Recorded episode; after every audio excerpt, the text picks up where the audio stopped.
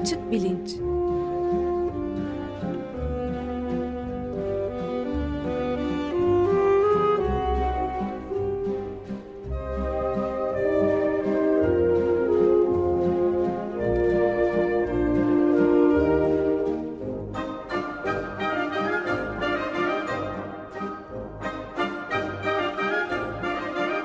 Güven Güzeldere ile bilim ve felsefe sohbetleri.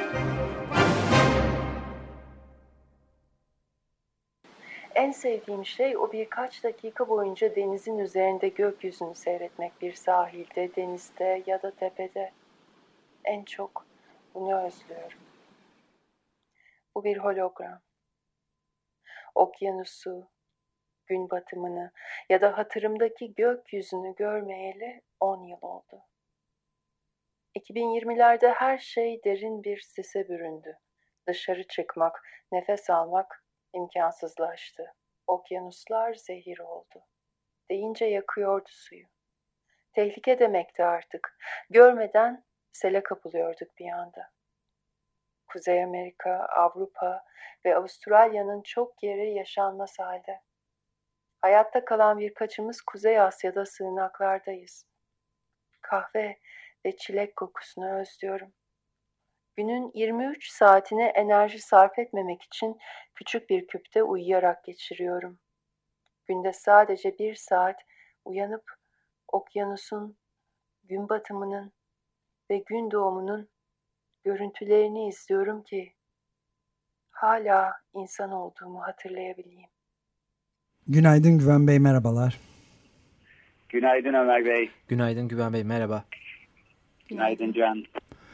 Evet, konuğumuz var. Onu da siz tanıtır mısınız? Ee, günaydın Serap, merhaba. Günaydın. Merhaba. Hoş geldiniz. Merhaba.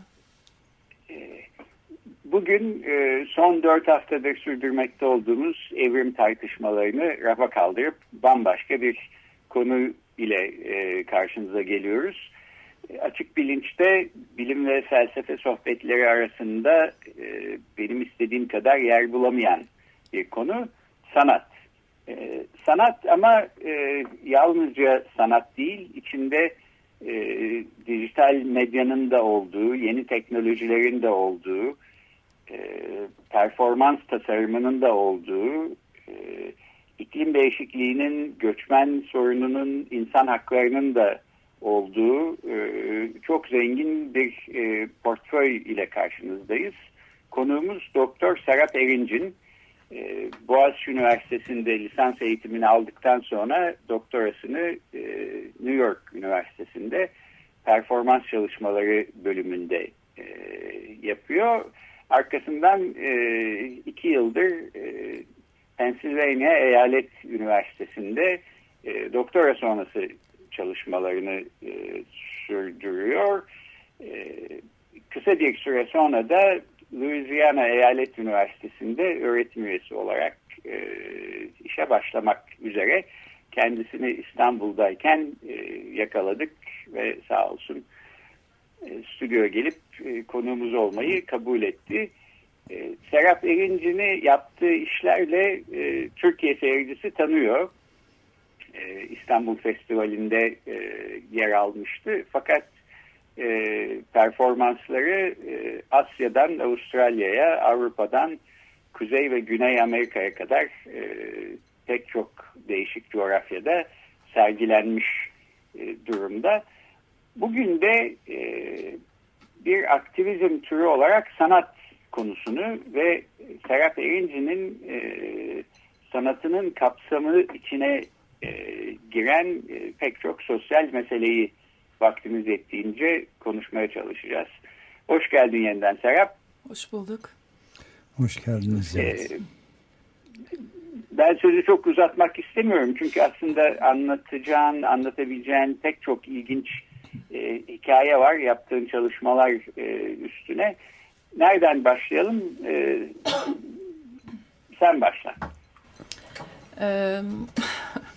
Böyle başla deyince başlamak zor tabii ki. Çünkü yani aslında kökleri birbirine bağlı, farklı farklı çok fazla konu bir araya geliyor benim için de. Dolayısıyla hangisi önce hangisi sonra geliyor bunu ben de bilemiyorum şu anda.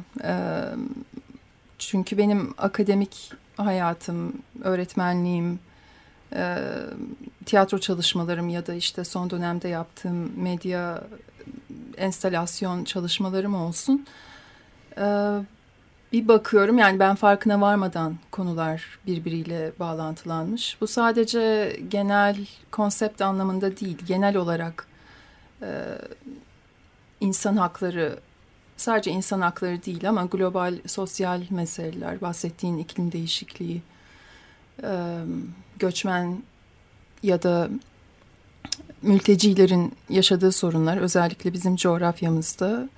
Bunlar hani benim yaptığım işlere konu olan meseleler ve bir şekilde yazdığım ya da araştırdığım akademik konularla da bağlantılı.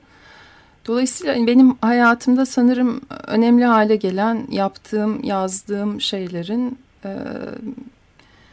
sanatsal ilgi alanlarımla bir birliktelik, bir bütünlük oluşturması ve ders verdiğim zaman da bundan beslenmesi. Çünkü o sanatçı kimliği benim için her zaman daha önemli bir şeydi. Yaratıcı tarafımı beslemek. Aslında tesadüfen doktoraya başladım diyebilirim. ama o da bir şekilde onun parçası haline geldi. Diğerinin parçası haline geldi. Dolayısıyla ben çok birbirinden ayıramıyorum yaptığım işleri şu noktada. son dönemde iki oyunum bir de bir tane sergim vardı. Solo sergi. sergi iki konuya odaklandı. Birincisi Ege'de hayatını kaybeden mülteciler özellikle Suriyeli çocuklar. Bunun üstüne 6-7 tane enstalasyon vardı. Bir de Amerika'daki e, ve bazı başka yerlerde hala devam eden idam cezası üzerine iki tane video enstalasyon vardı. E, İngilizce adı Human Rights, Human Rights'tı. E, yani insan hakları ve in, insanların e, ritüelleri gibi. E, işte bu anlattığın, pardon e, sözünü kestim. Yok. Senin anlattığın hikayelerden bir tanesinde mesela bir e, kutup ayısıyla yavrusu var. E, kutup ayısının yavrusunun ha. adı Aylan. E, annesinin adı da Kürdi. E, neye referans e, verdiğin belli. Başka e, yaptığın konuşmalarda ee, yine pek çok e, Türkiye ile ilgili ya da Türkiye'de olmuş olan olaylarla ilgili referanslar var. Kimileri gezi direnişi üstüne, kimileri cumartesi annelerinden bahsediyor. E, dolayısıyla çalışmalarını Amerika Birleşik Devletleri'nde sürdürüyorsun ama referanslar açısından sanki Türkiye'ye daha çok bağlısın gibi. E, bir yanıyla Türkiye'ye böyle bağlı olmak, öbür yanıyla ama Türkiye'den uzak bir yerde oturuyor olmak nasıl bir şey ve bu senin sanatını ne şekilde besliyor? Ee, güzel bir soru bu. O örnek de, o bahsettiğin örnek de aslında iyi bir örnek. Çünkü bu e, anlattığım hikayelerde birkaç seviye var. Bir global bir e, çerçeve var. Bir benim kendime ait direkt anlattığım bir hikaye var. Bir de daha lokal bir hikaye var. Ve benim için önemli olan bunların arasında böyle herkesin kendine bir yer bulabileceği hayal gücü alanları yaratılması. Bir şekilde gelen insanların ben benim hikayesini dinlemesini istemiyorum. Benim hikayemi dinlerken kendileriyle ilgili düşünmelerini ya da kendilerinin bahsedilen konularla ilgili e, kafa yormalarını ya da hislere e, yoğunlaşmalarını istiyorum. Önemli olan o. Yoksa benim hikayem o kadar önemli değil aslında. Bu e, sorunlar da bence yani hiçbirimiz hiçbir yerde dünyada şu anda farklı sorunlar yaşamıyoruz. Mesela mülteci hikayesi Suriye'deki çocukların yaşadığı Amerika'da Meksika sınırında tırların içinde boğulan, ölen çocukların yaşadıklarından çok da farklı değil. Benim e, New York'ta ders verirken e, New York daha liberal bir eyalet. Dolayısıyla e, kanunlar biraz daha farklı. New York'ta ders verirken sınıfımda gerçekten Meksika ile Amerika arasındaki nehri ailesiyle geçip gelmiş ve hala resmi kağıtları olmayan öğrenciler vardı. Politikalar çok farklı değil, insanların yaşadığı sorunlar çok farklı değil. Hepimiz aynı şeyleri yaşıyoruz. Fakat bir dikkat çekmek istediğim şey sanırım şimdi işte bu kutup ayısı bahsettiğim orada bir e, bu gerçek bir hikaye bir kutup ayısı var e, dokuz gün yüzüyor yavrusuyla bir buzul parçasına bir karaya ulaşabilmek için bu dokuz günün sonunda vücut ağırlığının üçte birini ve yavrusunu kaybediyor.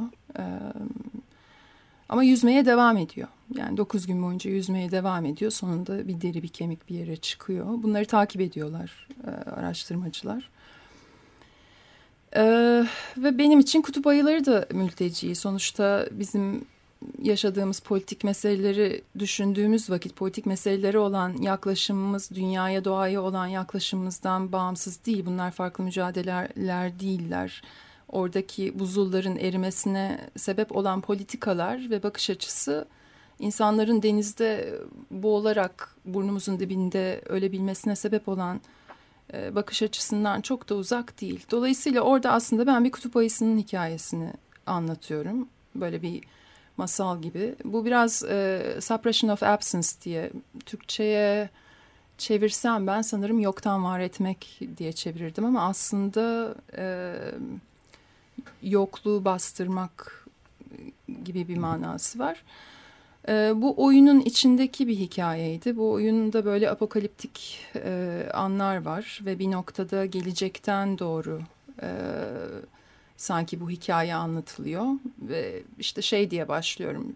Yani annem bana şöyle masallar anlatırdı ee, ben de böyle bir kutup ayısının masalını anlatıyorum. Eskiden var olan bütün bu hayvanlar işte kutup ayıları, foklar vesaire bu ilerideki zamanda bunların hiçbiri kalmamış ve e, mitik, e, mitolojik e, nasıl şu anda bahsettiğimiz mitolojik hayvanlar var, ejderhalardan bahsediyoruz. Bunlar gibi hikayelerde yer alan hayvanlar bunlar. Bu kutup ayısının hikayesi de işte bana bunu anlatırdı yani onun ne kadar beni ne kadar çok sevdiğini anlatmak için diye. Ama bir noktada o minik bir referans kutup ayısının isminin Kürdi olması, annesinin e, annesinin adının Kürdi olması ve yavrunun adının Aylan olması e, ve orada verdiğim bazı tarihler var. E, bazı bir iki ufak cümle. Yani çok açıkça böyle insanların başına vurarak işte bakın Suriyeli mültecilerin hikayesi bunlar demek yerine bazı metaforlarla ve e, daha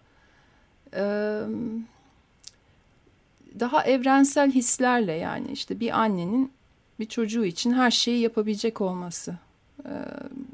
Bunu anlayarak yani bundan yola çıkarak o soruna yaklaşmak benim daha tercih ettiğim bir şey. Biraz uzun anlattım bunu ama genelde genelde böyle yani direkt bir konuyu, bir meseleyi didaktik bir biçimde anlatmaktansa daha evrensel hisler hislere yaklaşarak o oralarda bir yerden seyirciyi ya da işte sergiye gelen insanı yakalayarak devam etmek daha doğru geliyor. Peki bir de senin işlerinde bir çok disiplinlilik söz konusu. Bu Pennsylvania Eyalet Üniversitesi'nde son iki senedir yaptığım işlerden bir tanesi de zaten orada Neurohumanities Forum denilen e, nörobilimle beşeri bilimleri bir araya getiren interdisipliner e, çalışmalar içeren bir forumu yönetmekti. E, çok disiplinlilik akademide de nispeten yeni bir şey. E, senin işlerinde dönüştürücü bir etkisi oldu mu? E, senin çok disiplinlilikle tanışman ve işlerinin içine bir şekilde entegre olmasının hikayesine dair de bir iki bir şey söyler misin? Ee, bu benim için çok önemli çünkü mesela ben doktoraya önce bir tiyatro bölümünde başladım ve o sınırlar ve tutucu e, yaklaşım bana uymadı. E, bu performans araştırmaları bölümünde bir ders aldıktan sonra oradaki danışmanım Richard Schechner'di. Hatta bu alanın kurucusu olan kişilerden biri. O yani buraya geç sen dedi ve ben orada bir yerde evimi buldum. Çünkü e, kendim de böyle hep bir şeylerin arasında hissediyorum. E, hiçbir şekilde böyle belli bir alanın içinde tamam bir tek bu burası yerim ve bunun dışında bir yer e, doğru değil gibi değil ama daha çok alanların arasında bu liminal dediğimiz yer benim daha rahat hissettiğim bir yer. Eşik aralığı, kapı aralıkları. Bir yerden başka bir yere bakış ve e, o, o geçişlerin arasında bir şeyleri yakalamak. Hatta yani disiplin olmasa bile form olarak akademi ve sanat ya da işte ders vermek ve yazı yazmak bunlar da böyle farklı ama benim için aralarında dolanarak daha fazla doğru bir şeyler yaptığımı hissettiğim yerler. Bunun yapılabildiği yerler var, yapılamadığı yerler var. Benim doktora yaptığım bölüm böyle bir yerdi.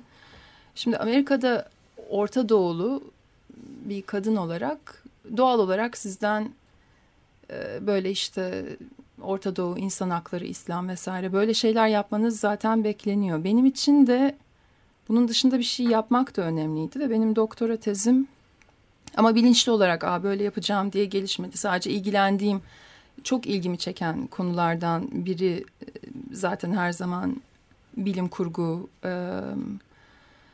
bedene dair işte bu nörobilim, beynin e, fenomenoloji, beyin ve hisler ve beden arasındaki e, geçişler. Bunun kendi yaşadıklarımla da bir iki kaza geçirdim. Ondan sonra mesela tekrar yürümeyi öğrenmem gerekti. O esnada bir oyuncu olarak insan bedenine dair farklı e, farkındalıklar yaşıyor. E, buradan böyle bir ilgi alanı oluştu benim için ve e, tez konum Worcester Group diye Türkiye'ye de gelmiş olan e, vaktiyle Enka'da Fedre e, diye bir oyun oynamış olan bir e, tiyatro grubu var. Onların e, kullandığı benim prostetik dediğim elektronik e, araçlar var işte kameralara bakıyorlar kulaklarına bir şeyler takıyorlar. E, ve bununla ilgili çalışırken bu e, araştırırken nörobilim fenomenoloji bunlar e, en, enteresan hale geldi benim için.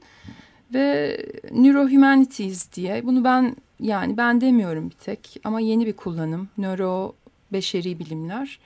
İkisinin bir araya geldiği çünkü genelde akademide çok ayrıdır bilimciler yani hala hala disiplinler arası denilen şey işte antropolojiyle tiyatronun birbiriyle konuşması falan.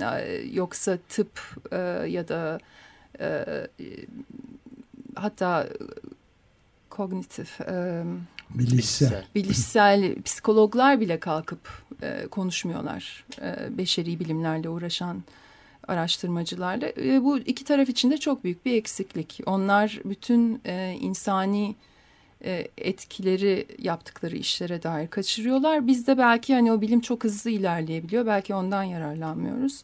Ve bu forumlarda hem bilimle hem bedenle hem sanatla e, ilgilenen senin gibi e, pek çok kişi bir araya geldi.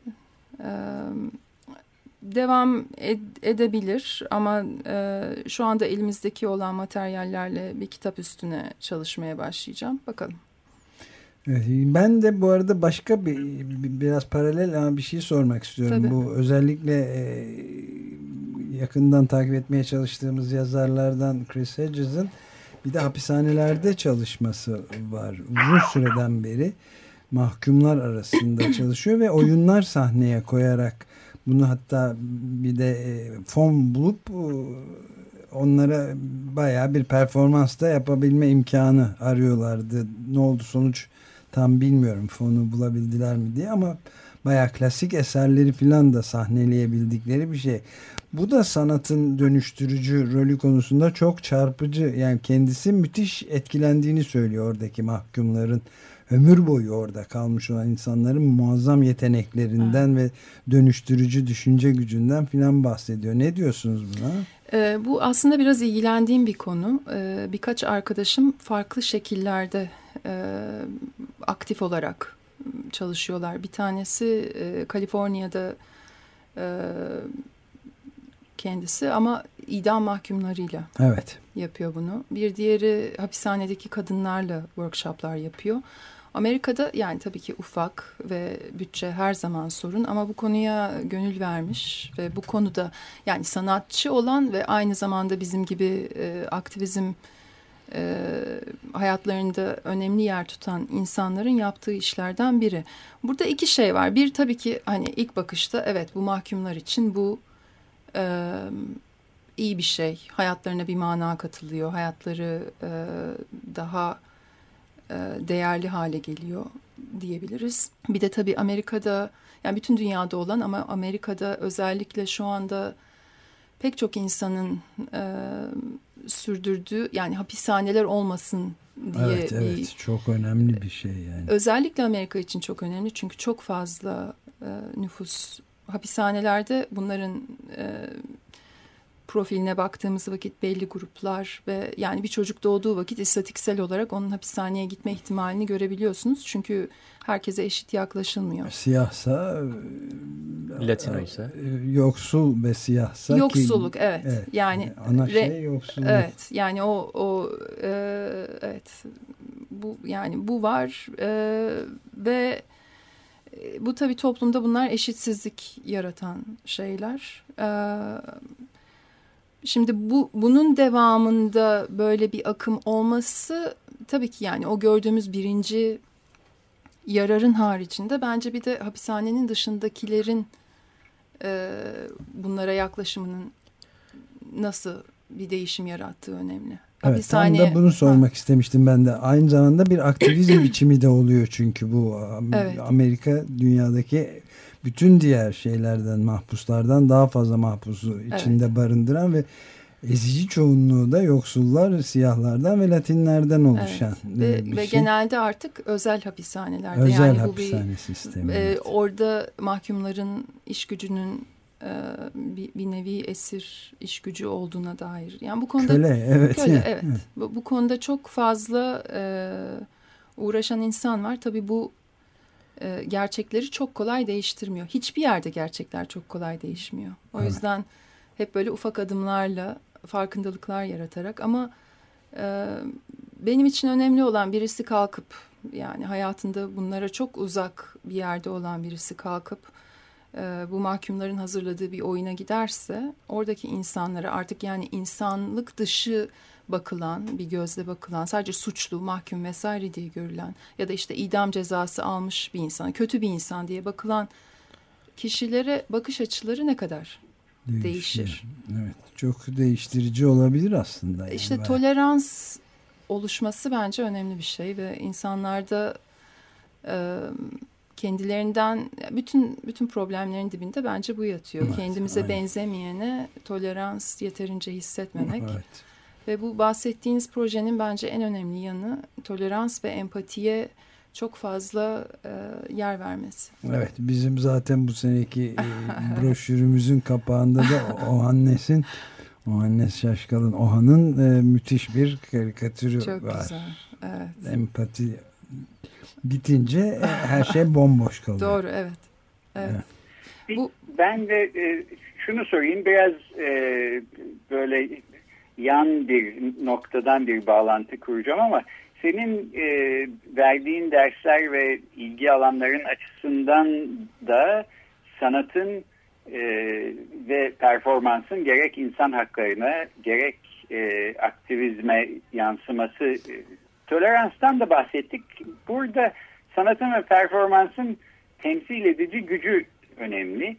E, son zamanlarda aklıma e, kurcalayan şeylerden bir tanesi. Türkiye'de özellikle e, e, güzel sanatlar içinde görsel sanatlarla özellikle heykel sanatıyla aramızın pek iyi olduğu söylenemez. Genellikle heykeller bir, bir takım saldırılara uğruyorlar, kırılıyorlar, dökülüyorlar filan.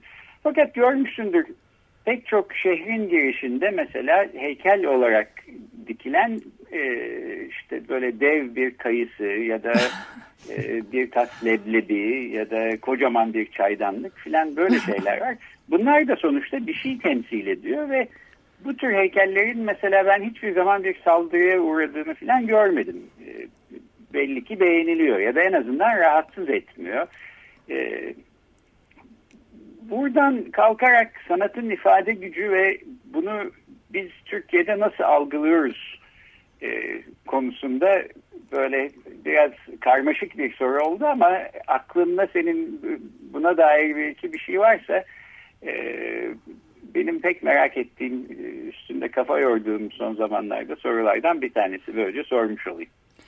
Ee, önce şunu söylemek istiyorum. Bence Türkiye'de e, yani ben de uzun zaman burada yaşadım. Buradaki tiyatro gruplarıyla, dans gruplarıyla çalıştım. Ve aslında hani ufak bir çevre olsak da sayıca çok da az değildik. Ve bu insanlar işler yapmaya devam ediyorlar. Ve Türkiye'de tabii ki ben daha çok İstanbul'u biliyorum. Çok çok iyi e, hem görsel sanat alanında hem dans alanında hem tiyatro alanında çok çok iyi, çok orijinal işler yapan çok sayıda ve bunun için çok çaba gösteren, çok emek veren, çok fedakarlıklarla devam eden ve pek çok şeyi göze alan sanatçı var. Ee, dünyanın pek çok yerinde olduğu gibi burada da deneysel sanat kolay var edilen bir şey değil. Sanırım bu kişilerle ortak e, konuştuğumuz dil ve belki o bahsettiğin çaydanlıklar ve portakallar ve şeftalilerden farklı olan e, benim için konuşayım. Yani onların adına konuşmayayım. Ama benim onların işlerinde de yakın hissettiğim şey belki. Sanatın benim için önemli olan yanı temsil edici gücü değil. Ee, ve o hani bir şey temsil haline geldiği vakit bir şey başka bir şeyin temsili haline geldiği vakit zaten yani o başka bir şey oluyor. Sanat olmuyor artık. Bir bir gösterge. Ama sanatın benim için önemli yanı sanırım bu tam da demin bahsettiğimiz tolerans ve empati gibi insanların birbirine bağlanmasına e, alanlar yaratması. Dolayısıyla hiç daha açık oluyoruz çünkü mesela bir oyunu seyrederken ya da bir film izlerken onun mantıksızlığına e, çok da itiraz etmeyebiliyor insanlar. Ama oradaki yani bunun farkında bile olmayabilir bunu seyrederken ben kendi işlerimde mesela benim için bu çok net böyle hani far, farkında olmasınlar hatta böyle bir, bir his bürüsün ve onun ne olduğunu anlamaya çalışırken karşısındakini anlasın ya da başkalarına empati duysun. Bu da temsil edici güçten çok. Roland Barthes'ın bir kitabı var. Ee, daha önce de bir e, bir böyle söyleşte bahsetmiştim. Camera Lucida diye. Ee, fotoğraflardan bahsediyor aslında çok da acıklı bir kitap. Çünkü böyle hemen ardından bir otobüs çarpıyor, ölüyor Roland Barthes. Böyle minnacık bir kitap ve e, fotoğraflardaki iki öğeden bahsediyor. Bir tanesi Studium. Bu sabit olan hepimizin gördüğü. Belki de tam da senin bu temsil edici güç dediğin şey. Yani oraya bir çaydanlık konulduğu vakit şehrin girişine o çaydanlığın ne olduğunu hepimiz farkındayız. Ee, bir diğeri de punktum. O da yani herkesin e, farklı gördüğü bir daha doğrusu herkes farklı bir noktayı hmm. görüyor punktum olarak. Çünkü hepimizin farklı geçmişleri var. Hepimizi yakalayan şey bir resme baktığımız vakit. Odak yani evet, değişiyor. Evet odak değişiyor. Dolayısıyla o alanları nasıl yaratıyoruz ki benim yaptığım iş bir diğerinin de e, malı haline gelebilsin. Yani hani o oyun bir tek benim oyunum olmasın da onun da anısı, onun da parçası olsun. E, o da işte temsil edici güç olduğu vakit onun ne olduğu çok belli oluyor. Yani o tamam adını koyduk biliyoruz ama insanın seyredenin hayatının parçası haline gelmiyor. Dolayısıyla e, burada yapılan yani özellikle dans alanında Türkiye e, çağdaş dans diyeceğim ama benim için böyle bir ayrım yok. Dans alanında çok çok iyi işler yapıldı Türkiye'de. Çünkü Türkiye'de böyle bir oturmuş bir dans geleneği yoktu. Ee, mesela tiyatroda vardı işte bu Batı tiyatrosu çok e, dogma demeyeceğim ama kalıplar vardı ve bunu yıkan e, oyunlar yine çok başarılı oldular ama olan bir şeyi e, bir kalıbı yıkmak daha zor ama dansta hiç böyle bir kalıp olmadığı için çok çok güçlü işler çıktı ve bu işlerin başarısı da bence içlerinde böyle alanlar olmasıydı. Yani baktığın vakit sen de onun parçası haline gelebiliyorsun. Senin deneyimin dolayısıyla geçmişinin, hayatının bir parçası haline geliyor. Evet galiba e, sürenin de sonuna gelmiş bulunuyoruz. Yani bir dakikamız bir şey var. Nasıl bitirelim? Ee, Serap son söyleyeceğin bir şey varsa sözü sana bırakayım daha sonra ben e, bitireyim. E, son söyleyeceğim şey son derken şöyle diyeyim e, biraz konuştuk sana bağlanmadan evvel. Şu anda e, Türkiye'de dünyada pek çok yerin olduğu gibi hani sancılı bir dönemden geçiyoruz. Çok fazla değişim var. E, benim araştırma konularımdan biri, çalıştığım konulardan biri itaatsizlik eylemleri. Ee, ve bunları da itaatsizlik eylem performansları çünkü işte performans çalışmalarında sadece tiyatroya dansa değil bir futbol maçına ya da politik eylemlere de performans olarak bakabiliyoruz. Ee, bir konulardan biri cumartesi anneleri özellikle uzun zamandır e, üstüne çalıştığım konulardan biri. Bir diğeri tabii ki gezi. Her ne kadar çok daha kısa süreli bir dinamiği olsa da.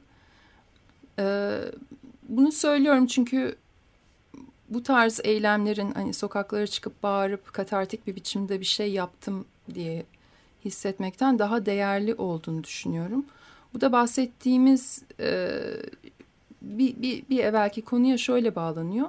Çünkü bu tarz eylemlerde bence bir e, mesela birisi oturuyor işte duran adam örneği e, gezi sırasında çok önemli hale geldi. İnsanlar ne oluyor diye bakarken bir şey hissetmeye başlıyor. Dolayısıyla mesajın çok açık olmadığı ama karşındakine izleme ve o izleme sırasında o eylemin bir parçası haline gelme e, olanağı yaratan eylemler değerli ve e, şu anda işte yakın zamanda bir yürüyüş eylemi oldu. Ankara'dan e, İstanbul'a kadar yüründü ve oradaki atılan sloganlardan, konuşulan konulardan kimin yürüdüğünden daha önemli olan bence insanların durup düşünmeleriydi. Niye niye yürüyorlar? Ee, bir de tabii şu anda açlık grevleri var ve bence bu da e, itaatsizlik eylemleri olarak bizim konularımızla gayet bağlantılı. Evet, çok teşekkür ederiz. Çok teşekkürler. Ben teşekkür ederim. Ee, teşekkür ederiz. Bugün Doktor Serap Erinç'in konuğumuzdu. Kendisi Louisiana Eyalet Üniversitesi'nde öğretim üyesi olarak işe başlamak üzere e, Türkiye'de geçirdiği kısa bir zaman içinde bize de zaman ayırdı. Teşekkür ediyoruz. Kendisinin sanatçı kimliğiyle yaptığı işleri, performansları, enstalasyonları zaman zaman İstanbul'da ya da dünyanın başka yerlerinde görmek mümkün. Akademik kimliğiyle yazdığı yazılar, ren e, bir kısmını da ben her zaman olduğu gibi Açık Bilinç Twitter sayfasından paylaştım. E, daha fazla bilgi oradan edinilebilir. Serap yeniden çok teşekkürler. E, başarılar, iyi yolculuklar Amerika'ya dönüşte. Sağ ol, ben çok teşekkür ederim. teşekkürler. Görüşmek, Görüşmek üzere. üzere. Görüşmek üzere.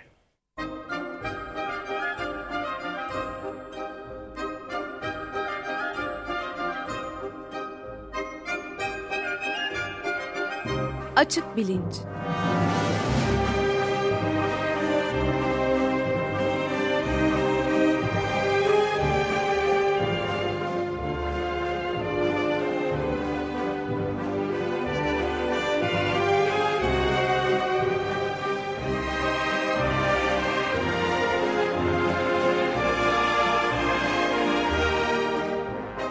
Güven Güzeldere ile bilim ve felsefe sohbetleri.